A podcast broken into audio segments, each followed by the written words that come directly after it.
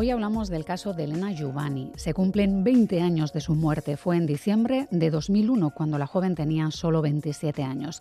Estudió periodismo, pero trabajaba como bibliotecaria en Sabadell, lugar al que se muda desde su Mataró natal. Dicen quienes la conocían que era risueña y amante de la montaña, pero también que unos días antes de su muerte estaba nerviosa. Alguien podría estar acosándola y recibía unas extrañas notas anónimas. Si llevaba días más distante, más seria y sus compañeras de trabajo lo habían notado. En septiembre recibió la primera nota, acompañado de unas pastas y una horchata, su bebida favorita. Una nota amable pero anónima, que no logró averiguar quién la había escrito. Y llegó la segunda nota, más larga y aparentemente escrita por más de una persona, esta vez acompañado de un zumo de melocotón. Helena, abans que cap altra cosa, esperem que et prenguis això amb el mateix sentit de l'humor que nosaltres. Esperemos que te tomes esto con el mismo sentido del humor que nosotros. Nos gustaría mucho coincidir en una excursión de la UES. No nos hagas el feo, ¿eh? A la tercera ya invitarás tú. No lo ponemos en duda. Per perfeccionar l'anglès. Ah, bon profit. No ens facis un lleig, eh? I a la tercera ja ens convidaràs tu. No ho posem en dubte. Elena se tomó el zumo y contó a sus compañeras de trabajo que le sentó mal. Un amigo tuvo que ir a buscarla porque no podía conducir y se durmió mandó analizar el zumo y descubrió que llevaba somníferos.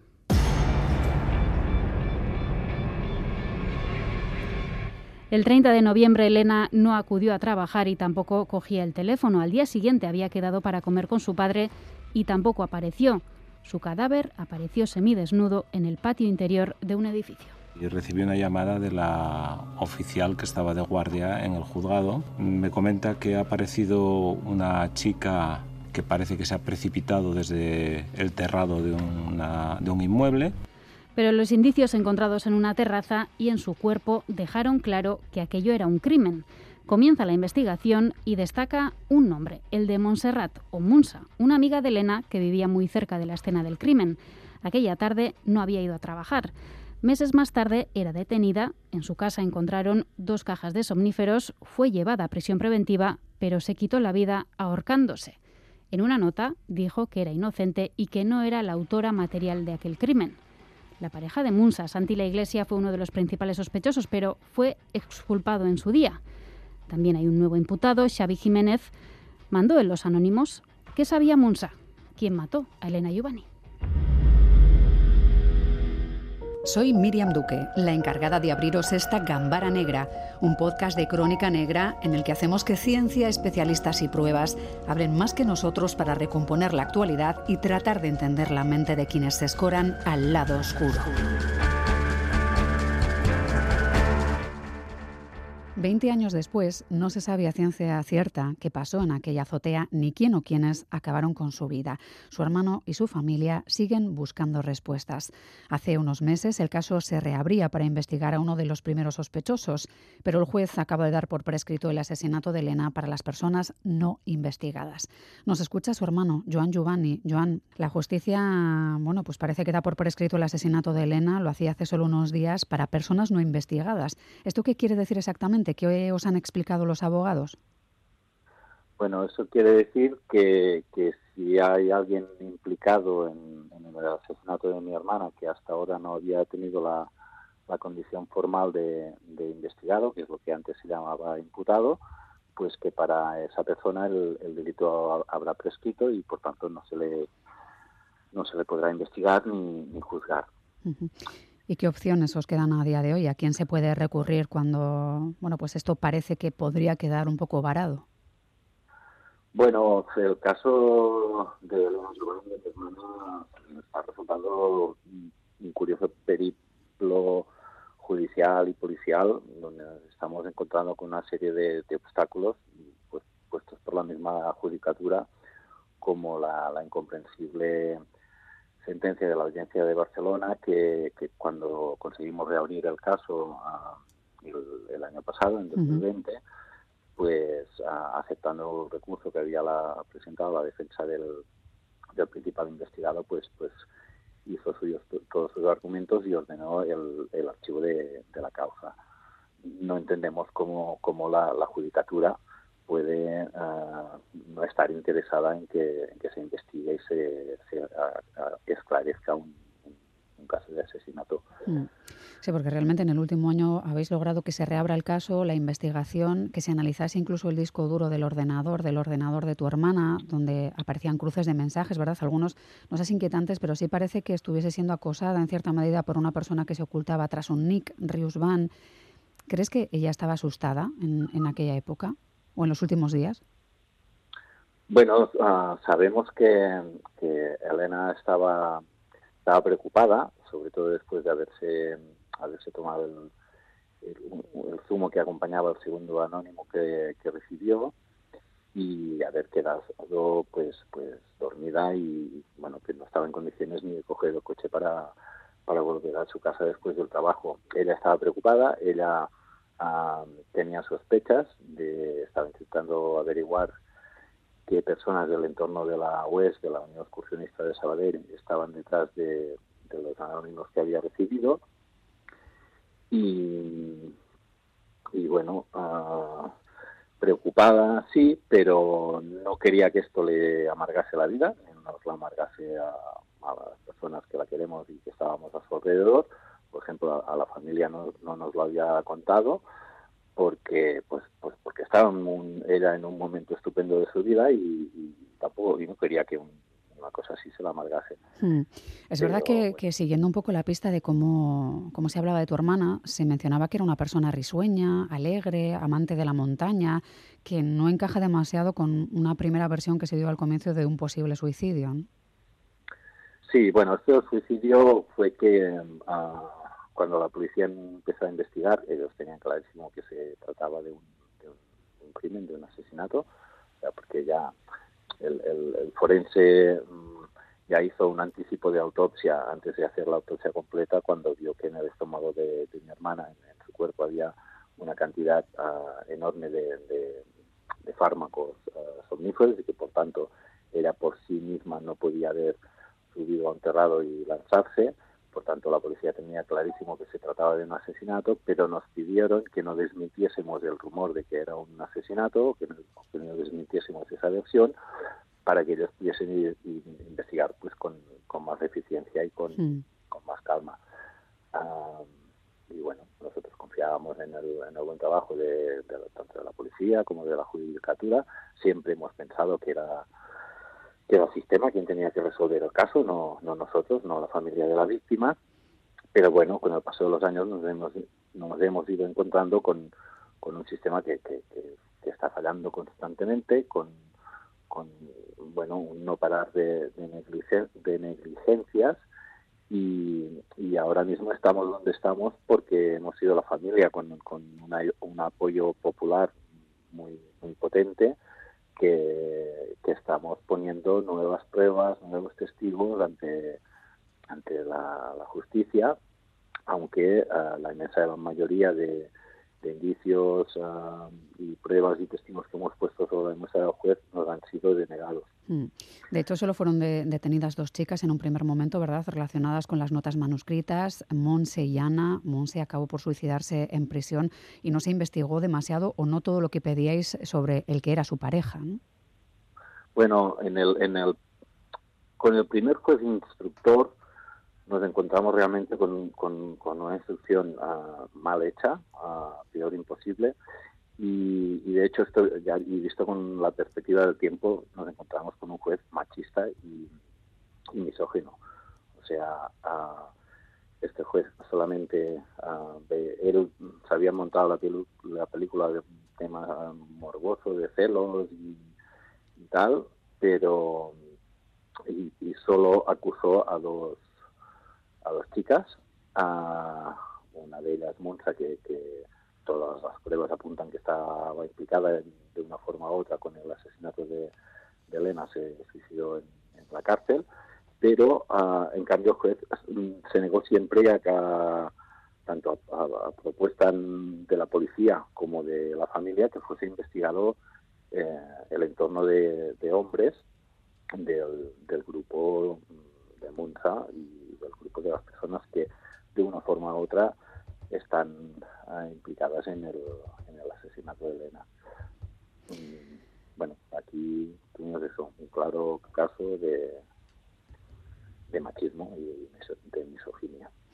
Joan, Nosotros eh, estuvimos mm. pidiendo ah, repetidamente a través de nuestro abogado que se hicieran pruebas caligráficas a, a- a los hombres del grupo. Y Del grupo de montaña, ¿verdad? En el que estaba tu hermana. Y mira, han tenido que pasar ah, pues 15 años desde, la, desde que el primer juez ordenó el archivo de la causa ah, para que ahora el, el, el último día, ah, cuando faltaban horas para que prescribiera el crimen, ah, pues bueno, encontramos un, un correo electrónico que vinculaba a uno de los sospechosos que siempre había estado en el, en el punto de mira de la policía y de hecho era de quien mi hermana Elena ya sospechaba cuando estaba viva y ah, ya te digo han tenido que pasar 15 años para que finalmente ahora el, y el, el penúltimo día antes de que prescribiera eh, un nuevo juez haya ordenado a partir de una prueba que aportamos nosotros que se haga ah, pruebas caligráficas a, este chico. Ah, bueno ya veremos cómo, cómo va porque para nosotros esto está siendo una montaña rusa emocional ah, y, y, bueno una constante carrera de, de obstáculos ante la, la judicatura Mm, yo no soy experto caligráfico, no sé si una persona con 20, a- durante 20 años ha, ha tenido tiempo de entrenarse para cambiar el tipo de letra o no, si esto se tendrá en cuenta o no. Bueno, ya veremos. Aquí estamos ah, luchando y apretando porque porque se haga justicia, Mantenéis eh, la esperanza de que, aunque haya que estar 10 años más peleando, haya justicia para, para Elena, para tu hermana, ¿verdad? Sí, la verdad es que ha habido muchos momentos en que hemos estado tentados de tirar la toalla, pero a partir del, del eco mediático y popular que, que- que cogió el caso a raíz de la emisión de- del programa Crims en, en Ujú, TV3, en TV3.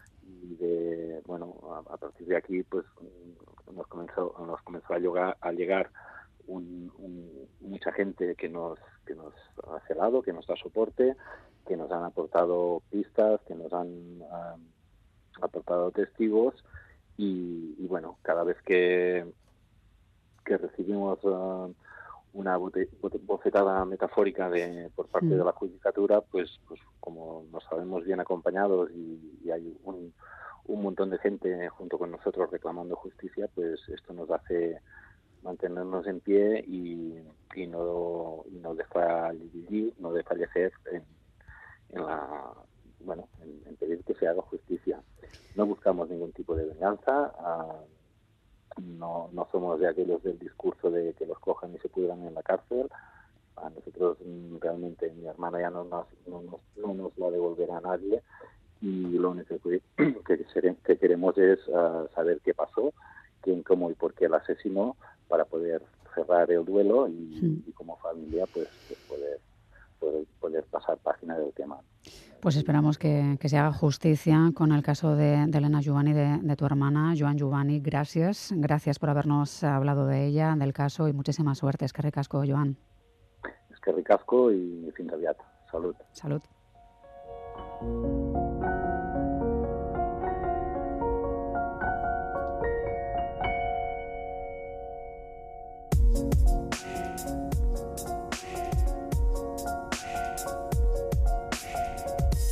Nos acompañan Iñaki Irusta, ex jefe de la Policía Científica de la Archancha. Caixo Iñaki, ¿qué tal? Hola, Caixo, Ondo.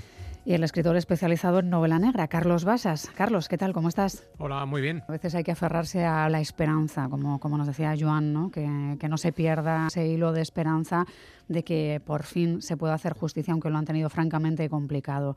Iñaki nos comentaba que aunque hubo una hipótesis muy inicial de posible suicidio, cuando se encuentra el cuerpo de Elena, caída al vacío. En un primer momento se decía, bueno, pues tal vez fue un suicidio, se encuentra su cuerpo ya desnuda, con quemaduras. Enseguida, quienes se investigaban el caso comentaban que lo habitual es que si alguien se suicida, caigan los pies primero por delante o las manos por aquello del instinto de supervivencia, ¿no? Que es extraño que, que el cuerpo quede como estaba, ¿no? Que no es lo mismo que nos lancen, que nos tiren desde lo alto de un edificio a que nos lancemos, ¿no? En la postura corporal. Está claro. Yo sin tener todos los datos y habiendo escuchado la, la aportación que ha hecho el hermano Joan, eh, observo un poco desde, desde la lejanía bastantes carencias. Yo no sé si del ámbito investigativo, que creo que también las ha habido, porque eh, en determinados momentos se dice que la escritura se asemeja y no se asemeja a dos de las personas, en este caso creo que eran a Ana y, y a Montserrat. Y en la parte de la grafística, en este caso la grafología, yo creo que no es que se asemejan, o es o no es, ¿no? Esto es como la parte de, las huellas dactilares en todos los anónimos, que tampoco me refleja ninguna de las partes que se haya revelado, ni si que se le hayan tomado a ellos huellas para luego hacer todo el proceso de la investigación. No tengo la información de si se ha hecho la parte del ADN, ¿eh? pero respecto a lo que comentabas, efectivamente, eh, dentro de, del suicidio, o el posible o presunto suicidio tal y como se marca ahí, o el que haya sido arrojado por parte de una eh, de, otra persona hay unas grandes grandes diferencias. En principio teníamos que hacer unos cálculos eh, también de fuerza y de peso, ¿no? Porque alguien de 55 kilos no puede con ese peso. Eso iba, eso iba. Estamos hablando de un peso muerto que prácticamente es un peso del doble de que un manejo una persona normal. Estamos hablando de que eh, una de las posibles investigadas, en este caso, pues Montserrat, que se la investigó en un momento determinado, pues difícilmente era una persona que manejase ese peso muerto. Estamos hablando de que no se ha hecho un estudio en lo que es eh, en, la, repisa de, la ventana. Estamos hablando que hay una serie de carencias de la caída en vertical de la persona al lugar. Eh, que deja mucho que, desear, mucho que desear. Yo no sé si la investigación o la parte de la judicatura, yo no me voy a meter en esos ámbitos, pero seguramente cada uno habrá hecho lo mejor que ha podido y ha sabido, pero desde mi ámbito y sin tener toda la información detecto, detecto mucha, mucha eh, carencia de profesionalidad, por no mm. decir otra cosa. yo, la, prudencia de la que hace Gala Iñaki yo no la voy a tener en este caso. Eh, me parece que el agujero en la investigación no viene precisamente por parte de los investigadores, sino del juez de instructor. Eh, es decir, un investigador puede llegar hasta donde puede llegar, eh, eh, pero necesita del papel activo del juez instructor para comisiones regulatorias. Para, gran cantidad de pesquisas necesitas permiso. O sea, para que la gente se haga una idea, la policía no investiga lo que le da la gana y cómo le da la gana. Es decir, la figura del juez instructor es, eh, importantísima y en este caso hubo una serie de peticiones caligráficas, eh, huellas de todo tipo pero eh, sistemáticamente fueron denegadas, con lo cual uno puede decir con poco riesgo a equivocarse que el problema viene de, la instrucción misma, ¿no? de la judicatura en este caso. Y, eso me lleva a otro, a, otro tema, que es el de, el de eh, más allá de que luego la judicatura intente arreglar eh, sus errores entrando otros jueces, eh, etcétera, primero deberíamos cambiar la ley ya para que los casos de asesinato no prescribieran nunca, porque la verdad no puede prescribir jamás. Es decir, un caso hay que investigarlo hasta el final. a veces uno dará con el culpable verdadero. No hablo del legal ya, sino del verdadero. Otras no pero no puede ser que un caso de asesinato prescriba a los, a los 21 años. ¿no? Sí, porque hay parte de, quienes estuvieron al menos investigados en un primer momento, que fueron muy pocos, por otra parte, que no sé si os parece extraño que en 20 años se, haya investigado a, tan poca gente, y que era una de las personas, era en su momento la pareja de, de Monse, y ese hombre ha hecho su vida con total normalidad. Monse se suicidó, dejó también una nota un poco inquietante en la que hablaba de que ella no había sido ejecutora. Todo era muy raro en las notas que, se dejaban en este caso, ¿no? Sí, en ese aspecto, mm, compartiendo lo que traslada Carlos, efectivamente, la primera interesada debería haber sido la judicatura, en este caso para la resolución del caso, como así debe ser. Toda la información y toda la aportación de datos, de indicios, de análisis que le va aportando la investigación, en este caso la investigación, que, que no dudo que haya hecho su trabajo de manera adecuada, pues perfecto. Pero pero yo digo, cuando hay una negligencia tan clara, por lo menos desde, desde, uno de los ámbitos, no pasa nada. Hay un cambio de sistema judicial, hay un juez nuevo instructor, comienza con la investigación, aquí no pasa nada. Eso no pasa en los ámbitos de la investigación policial. Es decir, si tú cuando tienes una negligencia bien clara, tienes al final, eh, pues tienes una espada de Damocles encima, ¿no? Eh, eso, eso no queda ahí y en este caso, pues eh, Carlos decía que tenía que cambiarse un poquito. Eh, yo estoy de acuerdo, además, que cuando hay eh, una nueva línea de investigación. Ya no estoy hablando si un investigado que, al de 20 años va a prescribir la pena y tal. Cuando hay una nueva línea de investigación que tiene fuerza y más que fuerza la, posibilidad de la clarificación del hecho delictivo, eso nunca podía quedar impune. Y como nunca podía quedar impune, no podría caber un reversimiento de la pena porque ahora porque eh, no, que aparezcan que solo tenemos tres investigados, ¿no? En este caso que todavía y por tanto, si ha prescrito, salvo para los que fueron investigados, probablemente nunca sabremos. Sí. Ahí, está, ¿no? Ah, y, va a haber alguna consecuencia alguna para el tema de, de la primera eh, parte instructora, en este caso judicial? Pues tengo mis dudas. Eh, sí, bueno, yo también tengo las mías. Casi certezas de que no. Hmm. Pero bueno, lo, lo, lo clave aquí ha sido el tema de la investigación del disco duro y yo creo que ahí la familia ha, dado un paso adelante. Bruno, el investigador que es probablemente el mejor de España en el tema de forense de, discos duros, pues ha, hecho un trabajo excepcional y a ver si eso sirve para que quien cree que se va a ir de rositas al final no se vaya.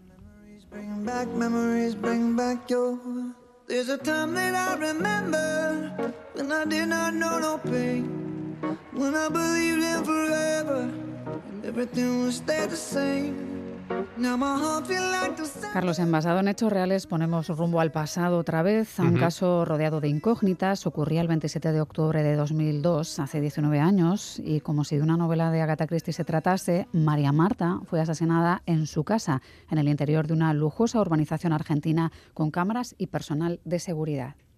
Sí, buenas noches. Necesito, por favor, una ambulancia urgente. La persona que se cayó entre una bañadera y está como ahogada. Deme el domicilio, por favor. El Carmel Country Club. Se llama Carlos. La Marta tuvo un accidente. Vení ya. Nunca pensé que estaba muerto. Ningún policía fue al Country Carmel. Los médicos se fueron de ahí diciendo que fue un accidente. O sea, la revisaron. El fiscal Morena Pico se encuentra con un médico que le dice, yo revisé el cuerpo y la cabeza de María Marta, descubrí que tenía por lo menos tres orificios, se lo dije a la familia. Encontramos cinco balas. Me dice, la familia me engañó. Yo soy el que tiene que determinar quién la mató. Por supuesto, lo llama a declarar a ellos y aparece lo del pituto. Lo encuentro donde estaba el cuerpo de ella. Lo tira John en, en el inodoro. Esto es un country, gente millonaria, y ahí empezaron a jugar, bueno, todos los prejuicios, los odios de Carlos, la habitación cerrada que decíamos de Agatha Christie, ¿no? Una urbanización de lujo, con seguridad cerrada, un crimen dentro, el asesino tiene que estar ahí, ¿no? Sí, estamos hablando probablemente del caso criminal de asesinato que eh, más tinta y más horas de televisión y de radio ha, arrojado eh, el periodismo argentino. Es, eh, fue un suceso absolutamente pues mediático, pues porque se trataba de una familia de un alto poder adquisitivo, había sucedido en, uno de esos guetos eh, que los ricos se montan rodeados de, vallas para estar seguros eh, y que eh, el exterior no penetre al interior, ¿no? Pero en este caso el mal estaba en, el interior. y, he escogido este caso porque también se está ahora juzgando o va a juzgarse de nuevo a uno de los presuntos culpables. Han pasado 20 años pero eh, ha dado tantas vueltas eh, el asesinato de María Marta García del Sunce que, se ha convertido en, eh, una prácticamente novela por sí mismo.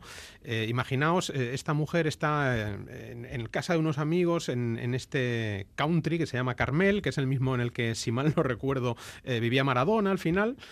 Es la casa de su hermanastra. Sí, sí, es una familia pues a priori bien avenida, donde los hermanastros y los hermanos eh, se llevan todos muy bien, ella se lleva muy bien con el marido, ella va a casa a una hora determinada, entra en esa casa y algo sucede.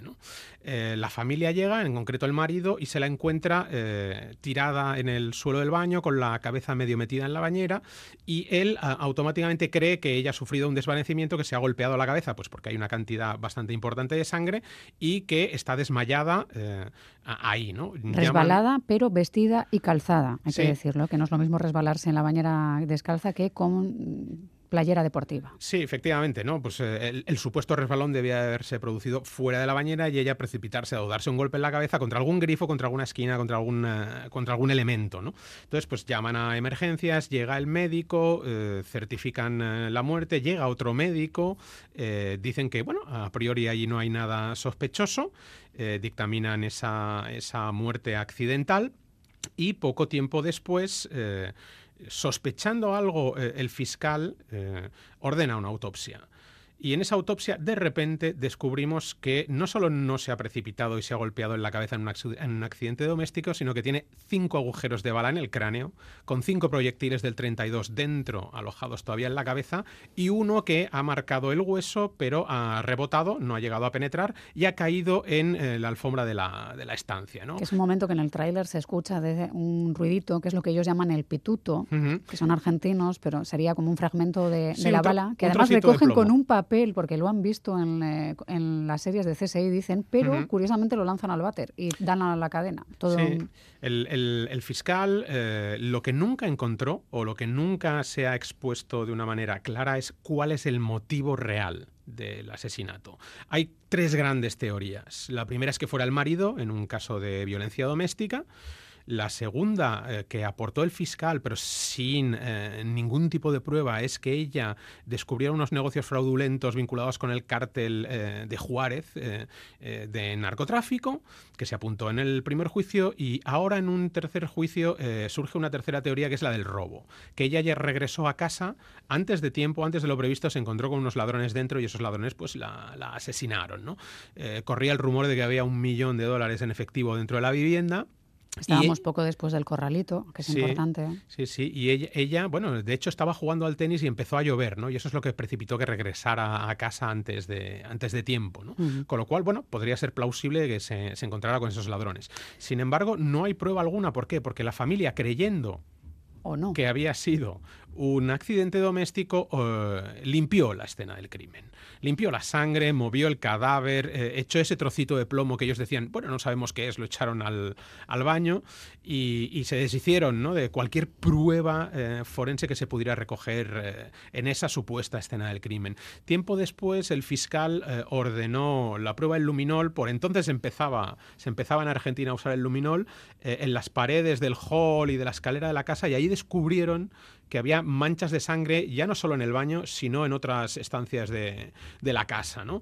Eh, que ella recibió el primer disparo probablemente cuando subía por la escalera y que fue rematada eh, posteriormente con cinco tiros más en el, en el baño. Encontraron sangre, encontraron ADN eh, y ahí empezó la auténtica batalla judicial, ¿no? la mm. justicia de los ricos, la justicia de los pobres, en, un, en un, caso absolutamente rocambolesco.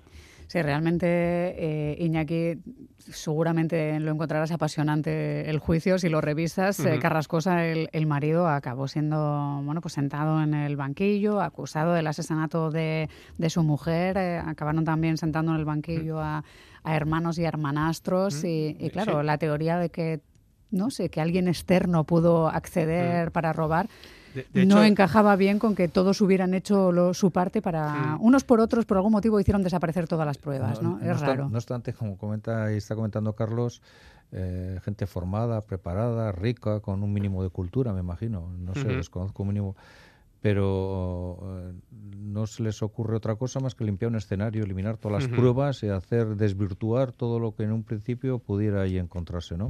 Mm. Ya, ya empezamos mal la investigación, ¿no? Mm.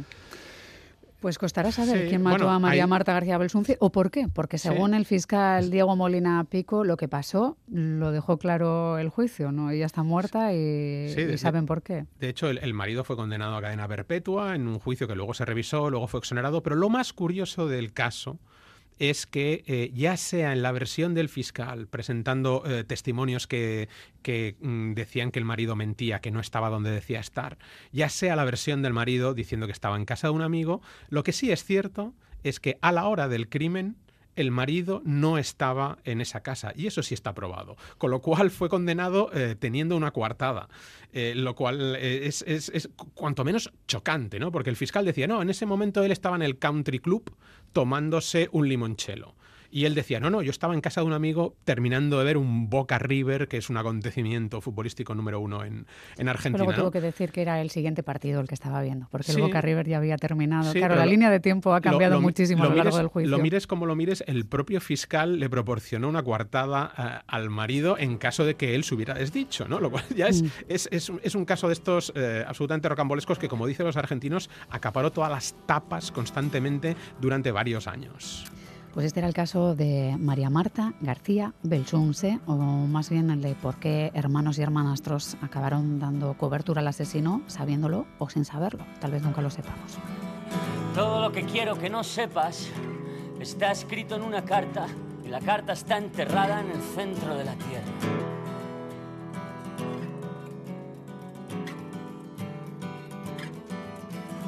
Nunca quise hacerlo, pero todo lo que tengo es mi deseo de estar dentro de agujeros y a la vez tocar el cielo con la punta de los dedos. Les llaman los detectives del lenguaje y no es para menos, porque ellos lo que analizan es nuestro ADN lingüístico. Seamos conscientes o no, cuando escribimos dejamos una huella muy personal, una suerte de firma, incluso en una nota anónima. Usar un adverbio y no otro, un adjetivo y no otro, muestran parte de quién somos y probablemente también de, dónde procedemos. Las cartas, las notas cuentan más de lo que queremos eh, que se sepa, sobre todo si sabes cómo leerlas. Y si a eso le sumamos el Big Data, los resultados pueden impresionar. Lo vamos a comprobar con nuestros invitados. Ellos son Javier Blasco y Cristina Ruiz Urbón, son filólogos, profesores universitarios. Javier, ¿qué tal? ¿Cómo estás? Muy bien, aquí eh, siguiendo que ha estado interesantísimo. Bueno, pues me alegro lo que he podido mucho. escuchar. También nos acompaña Cristina Ruiz Urbón. Hola, me sumo a las palabras de Javier, muy interesante y además muy relacionado con lo nuestro. Sí, sí, sí, está muy relacionado todo. Bueno, ambos trabajáis en Agilice Digital, una empresa de la Universidad de Valladolid que aúna las humanidades y las TICs, por si alguien quiere localizaros. Y vamos a charlar de, muchas cuestiones. Supongo que os hace falta un rato largo de conversación con alguien para ir pillando algunas pautas comunes a la hora de, de cómo hablamos o cómo nos comunicamos. Javier, supongo que para reconocerme en algo que yo escriba o que yo diga te haría falta más de este rato de conversación, ¿no? Con 20 minutos no sería suficiente, ¿o sí? Pues eh, yo creo que sí. Es decir, si en esos 20 minutos eh, yo puedo contar con en torno a mil palabras, 1200 palabras tuyas, mm, la, la, posibilidad de, que, de trazar a partir de ahí un retrato, un retrato lingüístico, claro, de usos lingüísticos, ¿verdad? Pues eh, es perfectamente, perfectamente factible. Para quien no le suene, Cristina, ¿cómo explicamos qué es el idiolecto y qué diferencia, bueno, principalmente qué es lo que diferencia la forma de hablar de una persona y de otra? Bueno, pues para que un poco los oyentes nos entiendan, si el dialecto es lo que nos diferencia por zonas geográficas, el cronolecto por edad, el sociolecto por clases sociales, pues el dialecto es lo que nos diferencia a cada uno de nosotros de, de todos los demás, ¿no? Me preguntabas mm, qué nos diferencia. Bueno, son muchas cosas, ¿no? De hecho, se han cuantificado más de mil variables distintas, pero bueno, por poner algún ejemplo, pues la densidad de, vocabulario, el uso de los signos de puntuación, la frecuencia de ciertas palabras, la duración de las frases. Bueno, hay muchos, hay muchos ejemplos. Y entiendo además, eh, Cristina, que incluso cuando tratamos de ocultarlo, acaban por salir. Claro, claro. Sí que es cierto que al final, bueno, más o menos creo que todos podemos identificar a ciertas personas de nuestro entorno, ¿no? Por, por expresiones habituales que, que, usan, pero claro, esto hay que tener cuidado porque las apariencias a veces engañan, ¿no? Eh, al final, cuando yo quiero suplantar la identidad de alguien, pues acabo copiando expresiones características suyas, pero me olvido de eliminar los rastros propios míos, ¿no? Hmm. Entonces, bueno, es, es fácil descubrirlo. Incluso si intentamos escondernos, como decimos, Javier, es eh, fácil que nuestro subconsciente acabe eh, dejando alguna pista. ¿También es fácil saber si una nota está escrita por un hombre o por una mujer? Sí, eh, con un porcentaje de fiabilidad bastante, bastante alto, es perfectamente posible establecer a través de, un análisis el género de la persona que lo está escribió, y no solamente el género, sino también la edad, la formación eh, cultural y, mm, otras muchas eh, cuestiones. El perfil se puede trazar a partir del lenguaje, el perfil, eh, el perfil psicológico de, esa persona y el estado emocional en que se encontraba en el momento en que se produjo ese, mensaje. Es decir, que, mm, que, si las circunstancias son eh, eh, favorables para que los indicios que hay en un texto puedan ser correctamente analizados, eh, todos esos extremos a los que acabo de referirme se pueden concretar y definir muy claramente. Hoy estamos dedicando tiempo a un caso que acaba de prescribir el crimen de Elena Giovanni. En este caso había diferentes tipos de notas anónimas que ella recibió los días previos a su muerte. Algunas, eh, bueno, pues eh, las recibió acompañadas de dulces como horchata, melocotón, que después se supo además que llevaban algún tipo de droga. En la primera nota venía a decir algo así como, Elena, sorpresa, pasábamos por aquí y hemos dicho, a ver Elena, ¿qué se cuenta? Somos a comérselo todo. ¿Os dice algo esta forma de escribir, Cristina? O Javier, bueno, para los dos. Cristina, ¿prefieres o...? Mm, bueno, no, eh, contesta como quieras, contesta tú. Bueno, eh, eh, por, supuesto.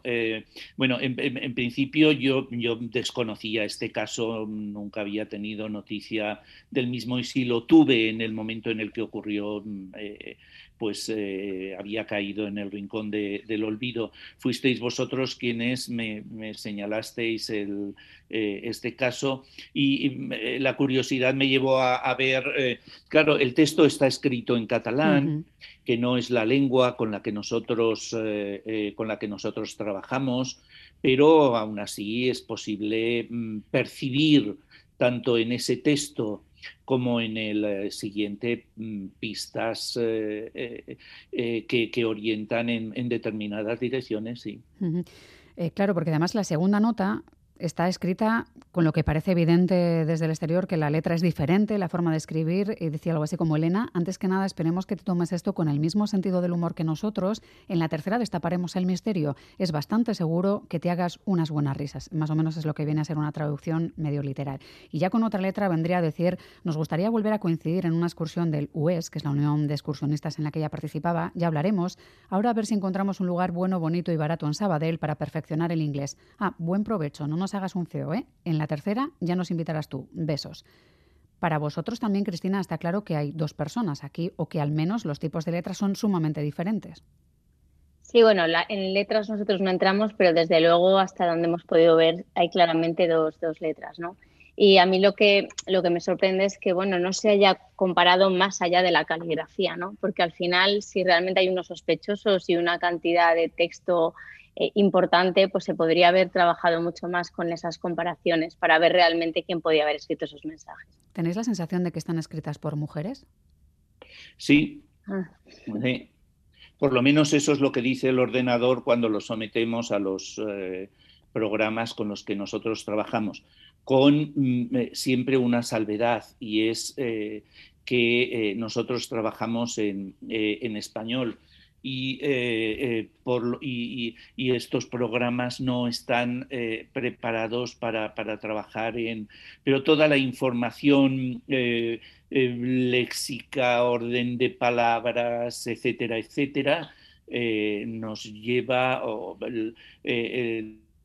las, superficiales, los superficiales análisis que yo he podido realizar nos llevan en esa, en esa dirección.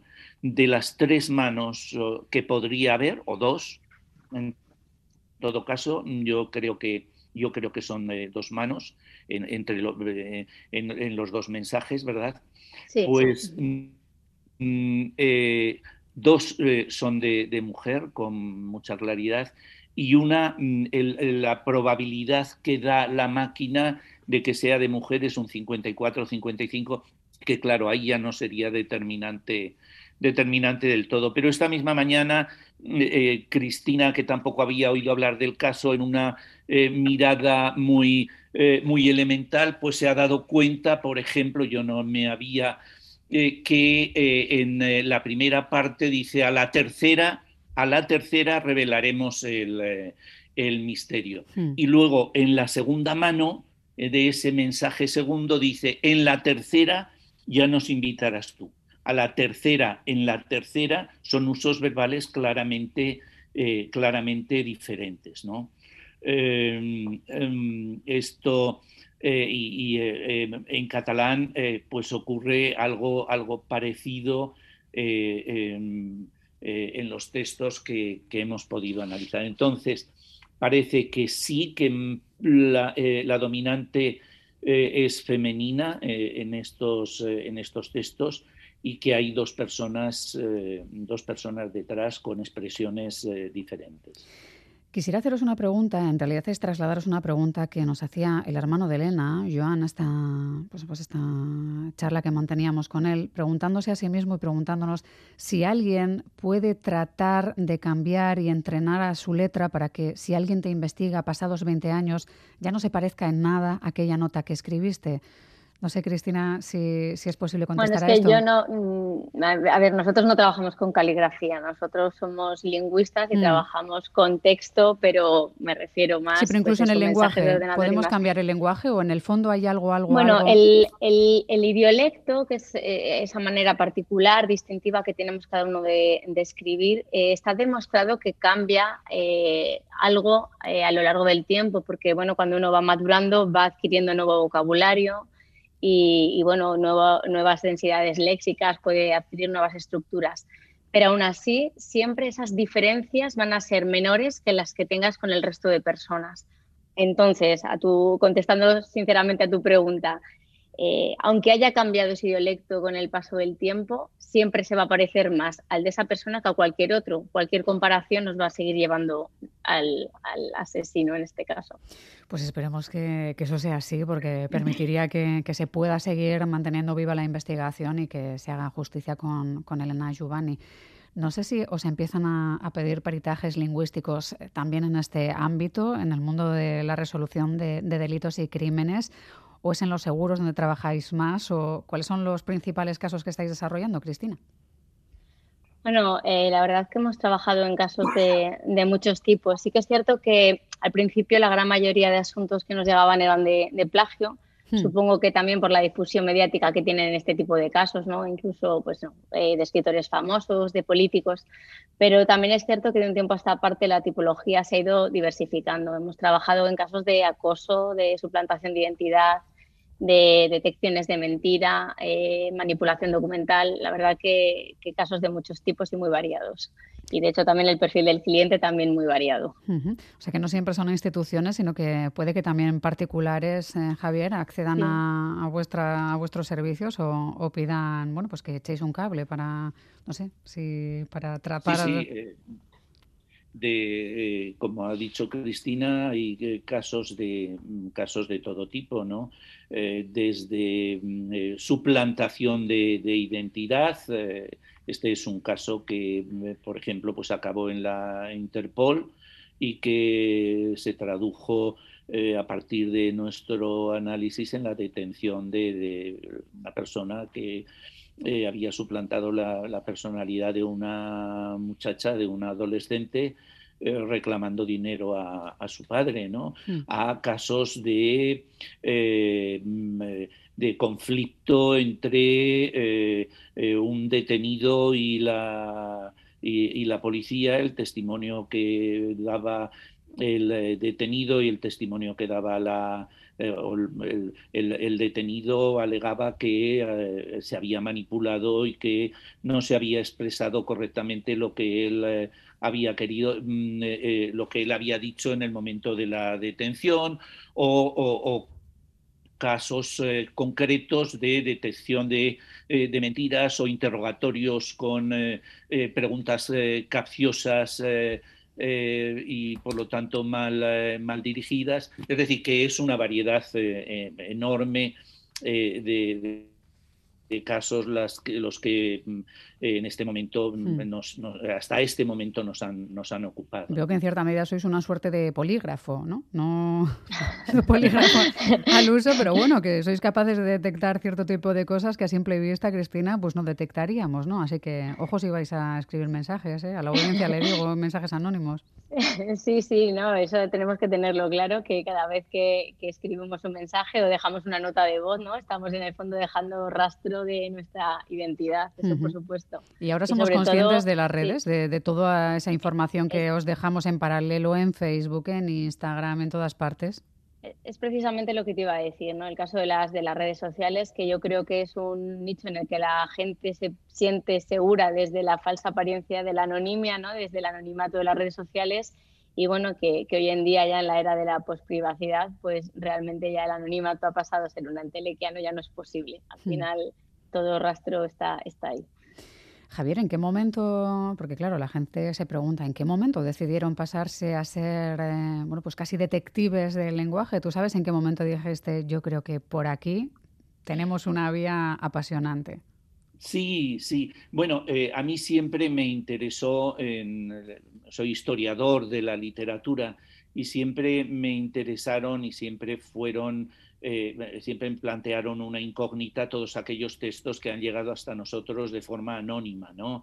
Eh, el Lazarillo, la Pícara Justina, eh, problemas con la, autoría de la, de la Celestina y tantas y tantas obras de, la literatura que que han venido sin nombre de, autor y que mm, al lector actual pues eh, eh, añaden a todas las interrogantes de lo que cuentan pues la de la del la de la persona que hay detrás de, ellas, es decir, su creador.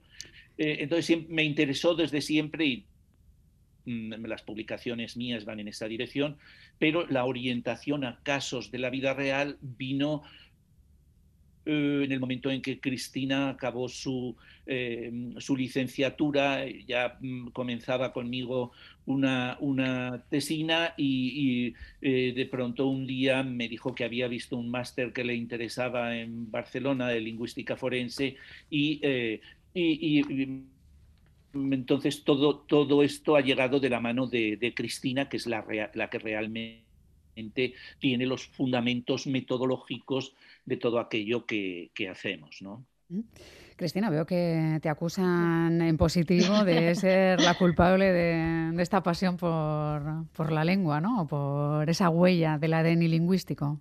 Sí, bueno, yo creo que es como una, una, reacción en cadena, ¿no? Porque, como comentaba Javier, bueno, yo empecé con él estudiando obras que habían sido atribuidas a Cervantes y, bueno, y a partir de ahí nos dimos cuenta de que las mismas técnicas que se usaban para la literatura se podrían aplicar a, casos reales. ¿no? Tuve la suerte de poderme formar en lingüística forense a través de un máster, varios cursos. Y digo la suerte porque desafortunadamente la disciplina a día de hoy no está tan desarrollada en España como en otros países porque esos máster han desaparecido y hay como una especie de vacío educativo ¿no? en torno a, esta disciplina que yo creo que, que, habría en algún momento que volver a cubrir. Pues eh, Javier Blasco y Cristina Ruiz Urbón, filólogos, profesores universitarios y especialistas ambos en esto de conseguir que incluso el Big Data nos ayude en, en, ser peritos lingüistas. Ha sido un placer, os seguiremos la pista, así que esta no será la única vez que charlemos. Hasta la próxima. Muchísimas gracias. Un abrazo. Nuestro. Muchas, muchas gracias.